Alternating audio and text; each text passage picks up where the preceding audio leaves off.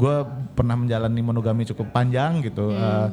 gue lebih panjang ngejalanin monogami daripada poliamori gitu.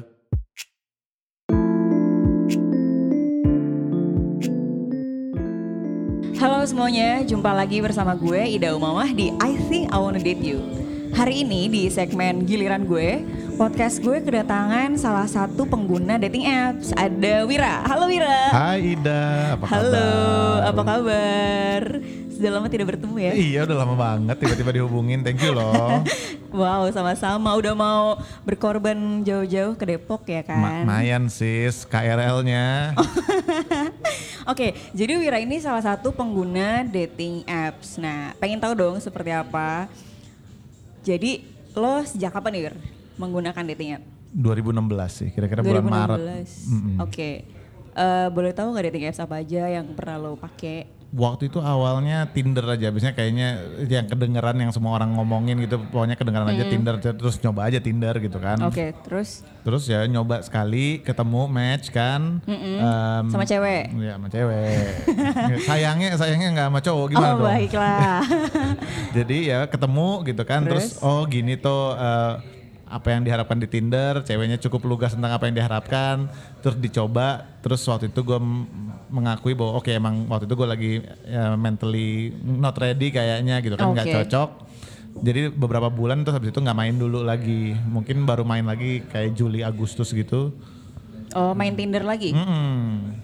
Lalu setelah itu mencoba dating app lain nggak? Iya, abis itu uh, mulai kayak mungkin September gitu kan, terus ada orang yang ngomong, oh ngapain lu Tinder gitu, mendingan uh, oke sih gitu Oke. kan.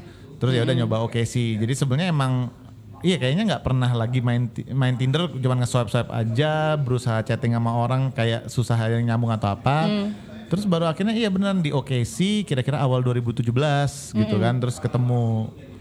Gitu. Nah, apa yang membuat lo tertarik eh apa ngunduh oke sih? Maksudnya kan Tinder juga kan sama aja dong dating app. Hmm. Em, waktu itu ada temen sih yang eh, dia bilang ya kalau oke sih lebih bagus dia lu masukin lu jawab-jawab pertanyaan-pertanyaan ini gitu kan Oke. terus lu bikin profilnya terus nanti oke sih ada ratingnya gitu kan me- melihat matchnya Oh, berapa persen kecocokan lu berapa Ah, puluh ah. persen gitu ya? iya dan harus gue akuin sih kadang-kadang oke sih gue gue main malah lebih sering buat ngejawab pertanyaannya kadang-kadang enak aja buat refleksi sendiri gitu kan Oh benar benar benar. iya kan iya iya iya. Ini semacam setipe juga ya yang ada eh, pertanyaannya cuman kalau setipe kan dalam bahasa Indonesia Hmm. Oh, iya. buatan Indonesia. Nah, ketika lo mengisi eh, bio di profil dating apps lo, Hmm. lo ngisinya apa tuh waktu itu di Tinder dan OkCupid? dari awal oh jadi awal awalnya sih belum ngerti cuman ketika mulai main oke sih itu uh, mulai ngerti uh, apa yang gue cari gitu mulai lebih stabil waktu itu um, terus ya udah gue tulis gue poliamori uh, gue mencari ya teman ngobrol kalau bisa berlanjut lebih jadi partner akan jauh lebih menyenangkan Oke. gitu Eh, bentar tadi kan lo menyebut poliamori ya. Mhm. Mungkin ada beberapa yang belum tahu atau bahkan tadi sebelum gua ke sini pun teman-teman gue tanya Mhm. poliamori itu apa dak? Bedanya poligami sama poliandri sama poliamor itu apa? Nanti dengerin podcast gue tadi gue bilang gitu. baik baik Mungkin lo bisa menjelaskan sedikit. Iya, em, konsepsi dasar poliamori yaitu bisa mencintai banyak orang pada saat yang bersamaan. Banyak gitu. orang? Banyak orang gitu kan, lebih dari satu dan nggak ngelihat gender atau orientasi atau apa pun. Pokoknya ya Oke. kalau ketika mencintai banyak orang bisa dibilang poliamori. Eh, dan nggak semuanya harus seksual, bisa juga ada yang em, platonik gitu kan. Tapi ya memang mencintai itu dibebaskan gitu kan. Oke. Asal semuanya konsensual, asal yang penting itu kejujuran dan keterbukaan. Oke, berarti misalnya lo punya partner lebih dari satu orang, berarti partner lo ini yang pertama harus tahu bahwa lo akan menjalin hubungan lagi dengan partner selanjutnya. Iya jelas gitu kan dan ya eh, ketika ngomong ke orang barunya juga orang barunya harus tahu bahwa kita udah punya partner sebelumnya atau kalau misalnya banyak juga orang poliamori mungkin sebenarnya lagi jomblo tapi eh, emang mindsetnya poliamori ya harus bilang gue poliamori mungkin kita jalan bareng atau apa cuman bukan berarti gue nggak akan ketemu atau jalan bareng dengan orang lain gitu. Oh, oke. Nah, ketika lo em, memasang bio di oke sih kan itu berarti kan non monogami ya. Mhm. Nah, non monogami ada nggak yang mungkin perempuan yang ngechat lo terus tanya-tanya atau langsung tahu? Hmm. Yang langsung tahu ada beberapa, beberapa juga jadi penasaran nanya-nanya itu apa. Da- tapi emang kebanyakan kayaknya cuman uh, nge-swipe karena penasaran dan nanya dan ngobrol gitu. Uh, dan banyak juga yang kayaknya emang dia akan bilang gue sebenarnya monogami gue cuma pengen ngobrol doang atau apa jadi ya udah gitu Oh, oke. Nah, lalu em, yang lo harapkan dari OKC ini apa? Kan kalau di Tinder kan ketemu terus lo merasa kurang cocok, Hmm. akhirnya udahan. Iya itu kan pernah sekali gitu kan. Eh, dari Tinder juga pernah lagi sih pas Juli itu mungkin ketemu satu dua orang gitu kan. Cuman emang ya udah eh, ngobrol antara makan bareng atau nonton. Cuman terus ya nggak lanjut ke mana-mana karena emang ya udah lebih enak kalau ngomong jujur dari awal kondisi gimana apa yang diharapkan. Kalau emang nggak cocok ya wes nggak apa-apa. Berharapnya sih bisa jadi teman tapi lama kelamaan cenderung ya lost contact juga kecuali kalau ada kecocokan ngobrol atau hobi atau Oh, apa gitu. Oke. biasanya lanjut cuman kadang-kadang jadi teman doang kalau di OKC cenderung karena OKC juga eh, mendisplay lebih banyak soal bio dan Iya. lebih gampang eh, langsung tahu soal orangnya ke- eh, kepikiran apa. Kalau untuk beberapa pertanyaan kesamaannya gimana biasanya bahan pembicaraannya bisa lebih dalam gitu kan. Makanya sebenarnya to some extent lebih enak OKC tapi memang gimana ya di eh, ya udah dicoba aja dua-duanya gitu kan. Emang cocok-cocokan dengan baik dengan dating app maupun dengan orangnya dan nggak nggak bisa ditentuin sih gitu. Abisnya banyak juga orang make oke sih cuman lucu-lucu doang kayaknya nggak bionya juga tuh kosong ya. Oh iya benar-benar atau bionya cuma simple, humble. Aduh ya aduh my god Nice. simple. Aduh. Kayak semua orang begitu ya. Aduh. uh, ya. Iya. Nah, eh, lalu dari beberapa ketemuan yang pernah lo lakukan, Mhm. biasanya ketemunya di tempat umum atau di kafe atau lo datang ke tempat gue deh atau gimana gitu? Cenderung di tempat umum sih. em, kadang-kadang beberapa yang Terminal bus gitu ya. Iya KRL kita kan biar murah sih Iya, gitu kan. bener. Tapi beberapa ada yang pernah ngundang langsung ke tempatnya atau janjian di mana gitu yang mungkin lebih secluded gitu kan. Em, tapi se- sejujurnya ya itu eh, tiga tahun main nih yang pernah ketemuan aku pas masih di bawah 10 gitu kan. Di bawah 10 orang. Iya. Oh. Iya mungkin masih cuman Dikit lima. juga gitu. ya? Memang gitu kan. Gue kira lo lebih dari 50 loh. Waduh, maafkan, saya nggak sejago itu gitu. Sama antara orang nggak nge-swipe gue gitu kan, mungkin karena poli dari awal udah tahu non monogami nggak mau gitu kan, atau dari ngobrol pun juga mungkin mereka ngerasa kurang cocok dan beberapa juga ketika gue ngobrol sama mereka kalau merekanya simple aja dan masih ya gue gue mau orangnya simple kayak gini terus gue ngajak ngobrol yang lebih serius dikit kayak nggak mau ngebuka, maksudnya bukan atau nggak mau bukan nggak usah lah ngebuka perasaan atau cuman yang lu pikirin apa sih gitu uh, apa sih yang bagi lu penting gitu. Kan kayak gitu buat tahu orang menurut gue itu penting ya. Iya. cuman kalau dari awal juga ngomongnya skin deep mulu doang kadang-kadang gue juga mikir em, ngapain ya? gitu. Oh, oke oke. Nah, eh, lalu terakhir lo pakai dating apps terus match terus ketemu tuh kapan? Sejujurnya kira-kira di Bali kira bulan Juli itu pakai 2000? 2019 gitu oke. kan? Pakai Tinder sih. Eh, cuman dia fair-fairan gitu kan. Eh, dia nganggap gue cuman FWB jadinya. Dan ya udah nggak apa-apa. Sampai sekarang kita juga masih kadang-kadang chatting gitu segala macem. Tapi kayaknya sekarang dia lagi pacaran dia udah bilang gitu kan ya udah kita chatting biasa aja. Eh, tapi mungkin FWB-nya disuspend gitu. Yang which is fair Oh, enough gitu. iya, gue gue iya, menghargai betul, paling nggak betul. dia jujur gitu. Hmm.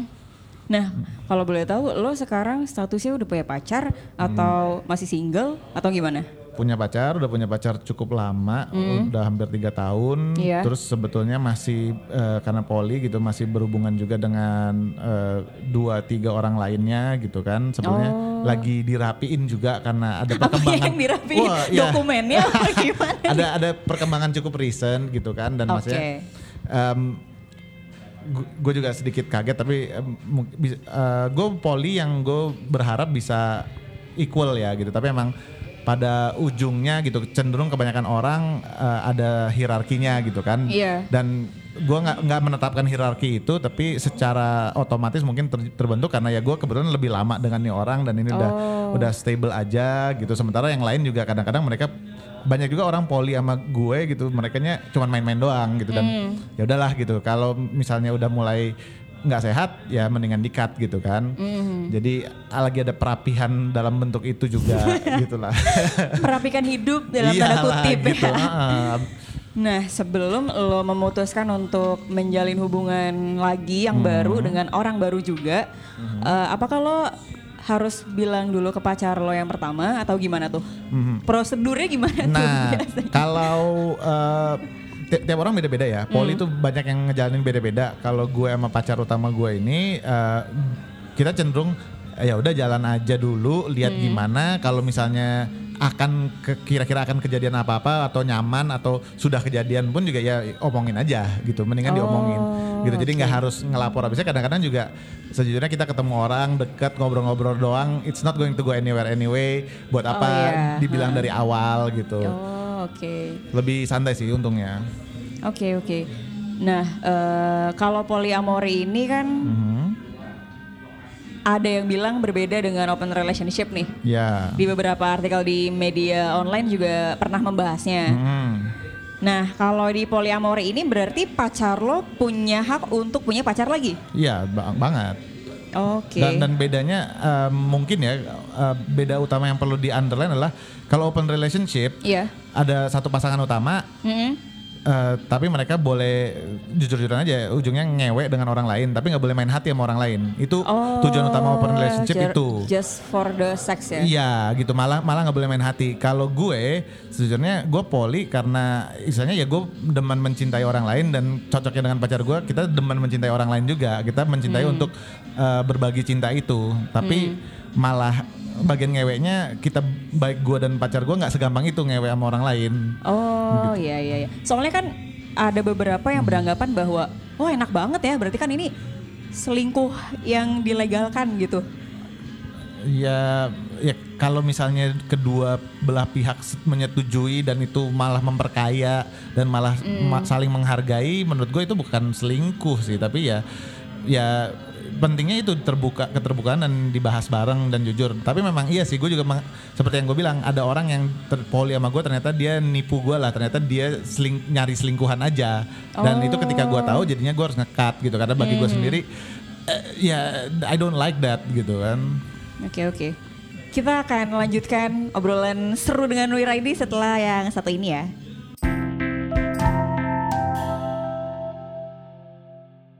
Halo semuanya, balik lagi di I Think I Wanna Date You dan tadi kita udah sampai mana ya? Em, Oh, ngebahas beda poliamori sama open sama relationship. open relationship. Nah, eh, kalau dibahas mungkin ini akan panjang banget ya Wir. Nah, Dan gue juga sempat beberapa kali searching be- jurnal di em, Google Scholar gitu. Hmm. Ceritanya kayak ini sebenarnya landasannya mana sih? kan eh, di podcast gue ini memang based on uh, penelitian dan Hmm. kalau bisa ada suatu pernyataan yang bisa dipertanggungjawabkan gitu Hmm. menurut gue. Nah kalau lo sendiri eh, tahu konsep polyamory open relationship tuh sejak kapan dari mana atau oh gue tahu dari ini karena ini gitu. Oh iya, ya itu denger dari temen kira-kira mulai sekitar Agustus September 2016 lah. Oke. baru ngerti gitu kan dan emang konsepnya beda dengan temen gue itu pun juga akhirnya konsepnya beda. Tapi bagi gue kenapa gue menganutnya dan gue senang karena Hmm. jadi lebih jujur-jujuran gitu. Eh, jujur-jujuran dengan pasangan dengan diri sendiri. Sebenarnya apa sih yang kita cari? Apa sih yang kita takutkan? Oh, dan oke. gimana sih kita bisa menjebatani ada per- tiap dua orang ini kan pasti ada perbedaan apalagi kalau ada banyak orang gitu kan sebenarnya kenapa sih kita berhubungan dengan orang tujuannya apa? Gitu kan? Jujur aja kadang-kadang kita egois gitu. Pasti ada fa- fase dan ada juga eh, bagian-bagian egoisnya. Tapi ya apakah bagian egois itu membuat hubungan itu jadi nggak sehat? Apakah jadi eh, tidak bisa berjalan? Ya itu mendingan dibahas baik-baik gitu kan? Karena eh, bukan ja- jangan jangan pernah jadi code- codependent tapi interdependence is good gitu kan. Oke. jadi kita saling bergantung saling percaya bisa saling support tanpa berpikir bahwa tanpa orang ini gue nggak bisa apa-apa gitu. Itu kan masalahnya. Dan gue pernah menjalani monogami cukup panjang gitu. Gue lebih panjang ngejalanin monogami daripada poliamori gitu kan.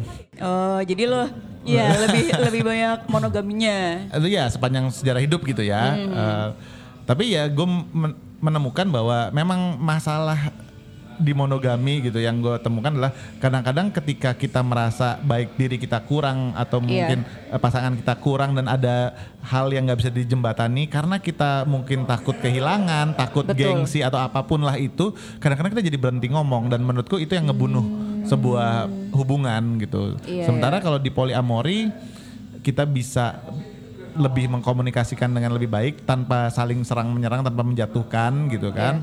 Dan jadinya bisa lebih mengerti dan bukan cuma mengerti pasangan tapi mengerti diri kita sendiri gitu. Dan emang gini ya kita ingin banyak hal gitu kita kita ingin uh, pasangan yang sempurna tapi sering kali lupa bahwa kita sendiri juga nggak sempurna gitu dan Oh. pelajarannya di sini menurut saya adalah kita harus bisa menerima belajar menerima bahwa nggak akan ada pasangan gitu walaupun satu pasangan atau 10 pasangan yang memenuhi kesempurnaan yang kita inginkan Oh, gitu karena kesempurnaan hanya milik silakan diisi sendiri Show saudara-saudari ya.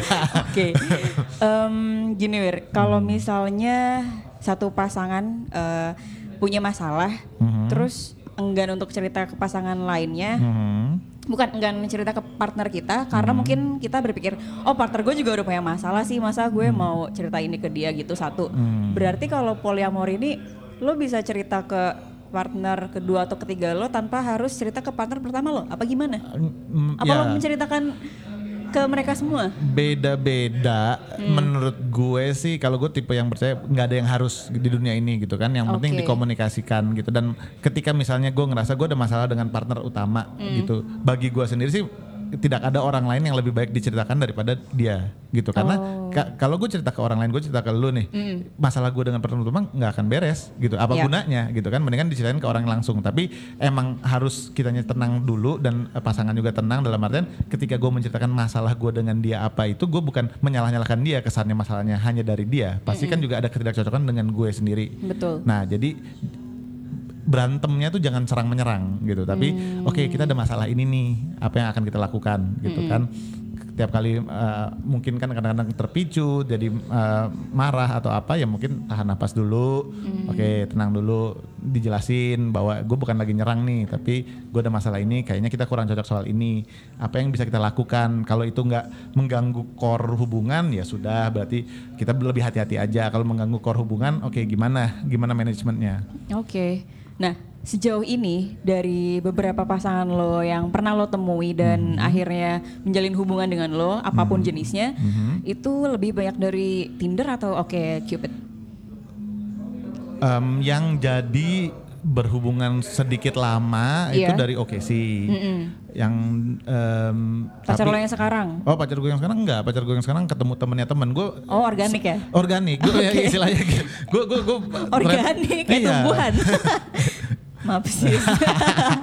ya kebanyakan kayaknya gue organik kalau gitu eh, no- Hmm. kalau nomenklaturnya kayak gitu Em, Tinder and OKC just doesn't seem to work with me I don't know gitu. oh, Iya. gua kira malah justru akan mempermudah lo dalam mencari kecocokan. Em, eh, makanya itu Kak, banyak orang nggak ngisi bionya apalagi di Tinder Iya, ya iya, gitu iya, kan betul. tapi ke- eh, di OKC pun juga ketika ada kecocokan mis- cenderung kan eh, di Indonesia karena patriarkis cenderung berharap cowoknya eh, engage duluan which is Iya. okay enaknya kalau di OKC bisa langsung ngirim pesan gitu kan Hmm. dan eh, nge-like kirim pesan biasanya oh gue tertarik nih soal ini apa pendapat lu soal hal ini tapi banyak juga yang Hmm. dibasiin yang nggak dibalas sama sekali banyak juga yang kadang-kadang oh enggak kok gue cuma naruh aja karena ini oh ke- jadi banyak beberapa orang ngisi uh, bionya juga kayaknya cuman ya udah this looks cool this is something I like but I'm not really thinking about it nggak Oke. bener-bener gue pikirin tapi taruh aja lah ya Iya, gitu iya.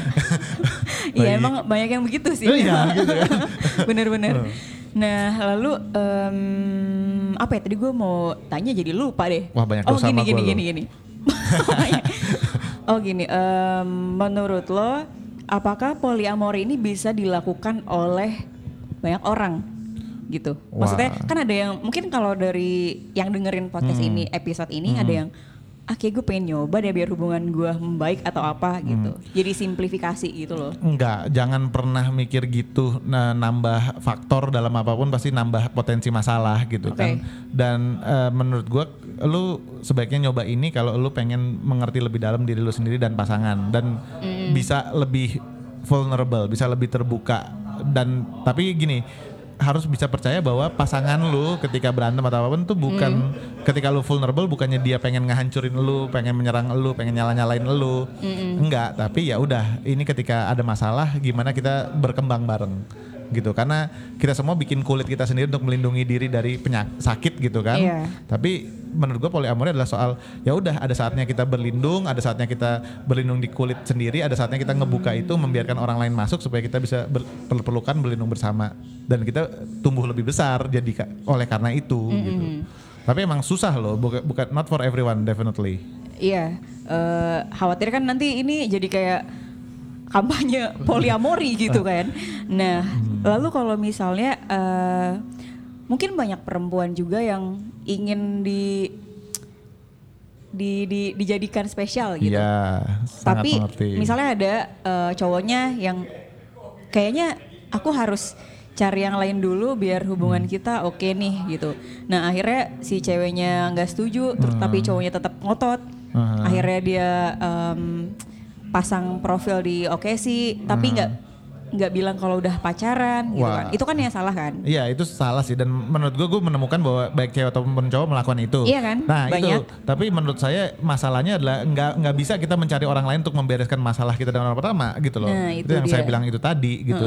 Jadi menurutku malah ketika dirimu nyari orang lain gitu itu berarti lari dari masalahnya. Instead Iya. of ngomongin langsung ke orangnya, hey masalah kita apa sih gitu loh. Hmm. Dan itu yang aku bilang juga akhirnya saya ketemu orang-orang yang jadi toxic bagi saya adalah karena oh ternyata mereka bermasalah dengan suaminya atau pacarnya atau apa terus nyari orang yang e- enak aja yang buat ngedengerin mereka, buat comfort mereka atau apa.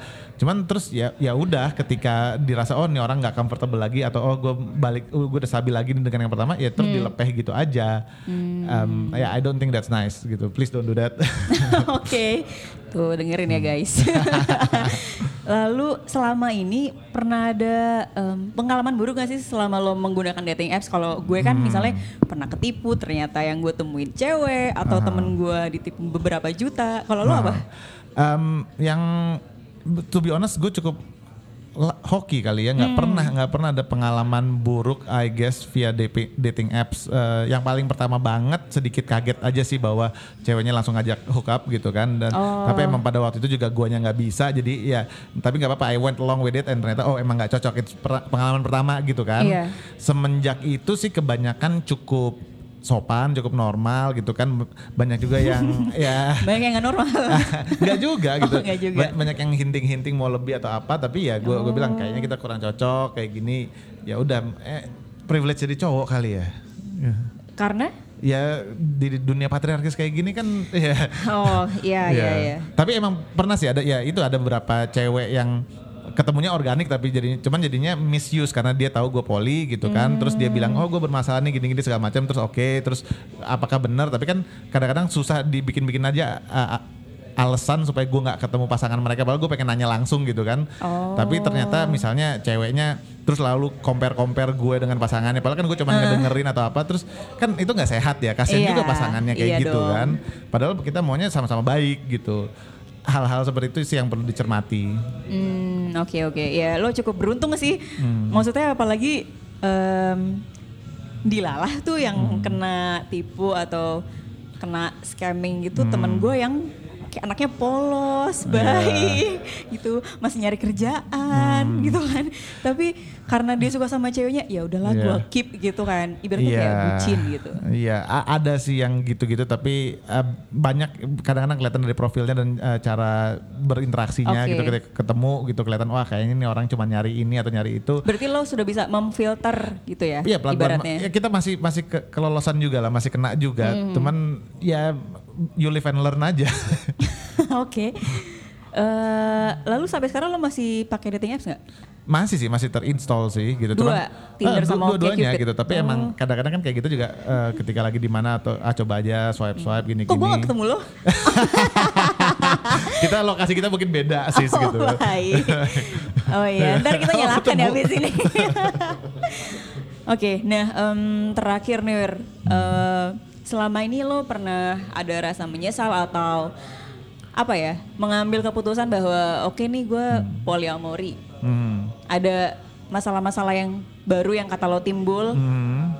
Eh, ada yang bisa lo ceritakan gak?